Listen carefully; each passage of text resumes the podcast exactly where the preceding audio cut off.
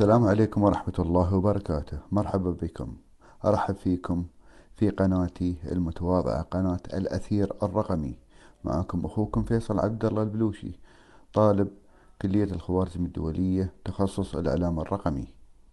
يا مرحبا بالجميع. في البداية أحب أشكركم على استماعكم لهاي الحلقة وهدفي في الحلقة تسليط الضوء على نشأة الإذاعة في العالم.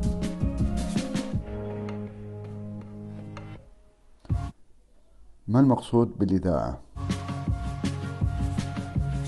وتعرف بالإنجليزي راديو وهو عبارة عن نظام أو عمل إذاعي صوتي يتم بثه للجمهور المتلقي وتعرف اصطلاحا على أنها وسيلة اتصال صوتي تتم عبر موجات الراديو بحيث تقوم محطات البث الفردية بنقل الأخبار والموسيقى والبرامج الإذاعية المختلفة إلى المستمعين المجهزين بأجهزة المذياع والتي تقوم باستقبال البث عن طريق الموجات الطويلة والمتوسطة والقصيرة. ويرجع الفضل إلى العالم الإيطالي ماركوني والحائز على جائزة نوبل في الفيزياء عام 1909 لاختراعه الراديو حيث ساهم في اكتشاف الموجات الكهرومغناطيسية وتنتقل موجات الراديو خلال الغلاف الجوي للأرض بسرعة مقاربة من سرعة الضوء. وقد قام بتطوير استخدام الموجات القصيرة والموجات المتنوعة.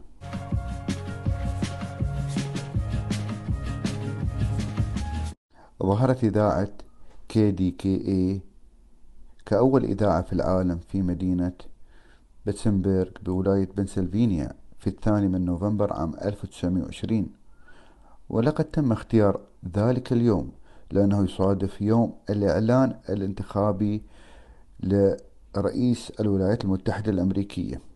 طبعا في هاي الفترة الناس كلها تعودت أن تقرأ الخبر عن طريق الصحف ولكن الاختراع الجديد الراديو فجر وعمل نوع نقلة نوعية في توصيل المعلومة وسرعة وصول المعلومة.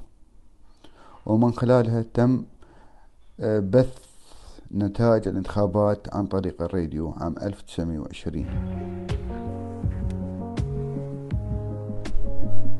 يحتفل العالم في اليوم العالمي للإذاعة بتاريخ 13 فبراير من كل عام ووقع الاختيار لذلك اليوم تزامن مع ذكرى إطلاق إذاعة الأمم المتحدة عام 1964 ومن خلال قناتي أحب أشارككم في شغلة صارت لي صراحة عام 2015 آه، كنت في هذا الوقت يعني موجود في الولايات المتحدة في أمريكا وشريت لي سيارة.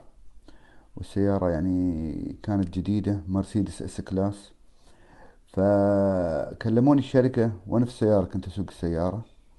عن طريق التلفون اللي موجود في السيارة ورحبوا فيا قالوا لي أنت المالك الجديد إحنا بنعطيك عدة خدمات مجانية تقدر أنت تجرب خدماتنا لمدة ستة أشهر ومن ضمن هالخدمات كان الراديو أو عفوا الإنترنت في السيارة. المهم لما شبكنا الإنترنت في السيارة ودخلت على ال FM طلع لي خيار آه internet radio. فياني فضول لما ضغط وقال لي search عملت search واختار ال region الدولة وكذا اخترت الإمارات.